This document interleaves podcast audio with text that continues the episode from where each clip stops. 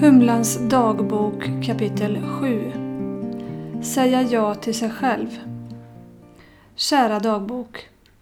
Jag vet att ni är många där ute som är i risken för utmattningssyndrom. Fast det värsta är att ni inte har kommit underfund med det själva ännu.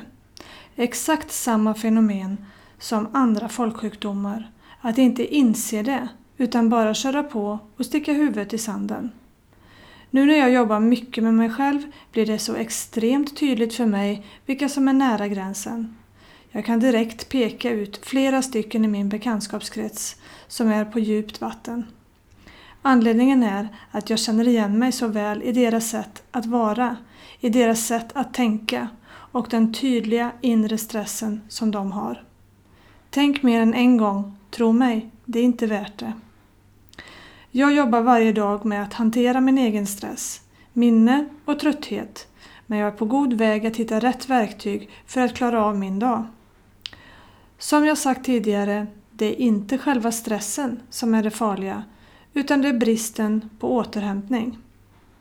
Jag är helt övertygad om att detta är det bästa som kunnat hända mig. Och i rättan tid. Känns lite svårt att tro det nu, men detta kommer stärka mig som person samt lära mig att prioritera vad som är viktigast i livet. Otroligt tacksam att jag fått sån bra hjälp från duktiga människor inom vården, stöttning från familj, vänner och jobb. Få tiden att kunna läka och förståelse från alla runt omkring en är nog det allra viktigaste stödet. En sak som är bra att lära sig är att säga ja till sig själv vad vill jag? Vad mår jag bra av? Säga ja till ditt liv som bara du bestämmer över. Tiden läker alla sår, men ett ärr kommer lämnas kvar inombords som en påminnelse att man ska ta väl hand om sig. Nej.